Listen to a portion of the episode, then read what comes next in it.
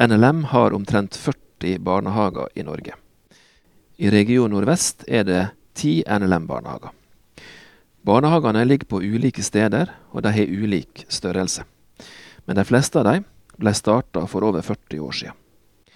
Det betyr at mange av bygningene etter hvert begynner å bli ganske slitt. Flere av dem har gjort en del renovering, kanskje bygd på litt.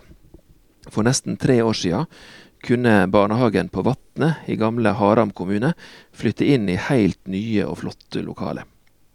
Men de fleste er fortsatt i velbrukte hus med store behov for oppgradering og vedlikehold. Det som har gjort meg glad de siste ukene, er at to av barnehagene våre nå har begynt å planlegge nybygg. Det er tidlig i prosessen, men de har begynt å se på muligheter og tomter som går an å bruke. Og ekstra gledelig er positive møter med kommuner og med tomteeiere. Det finnes mange private barnehager i Norge.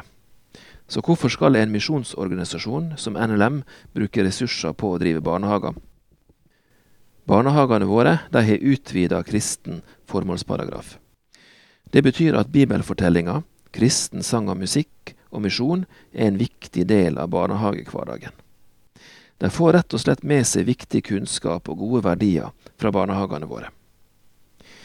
Flere eiere av private barnehager i Norge tar ut store beløp i utbytte.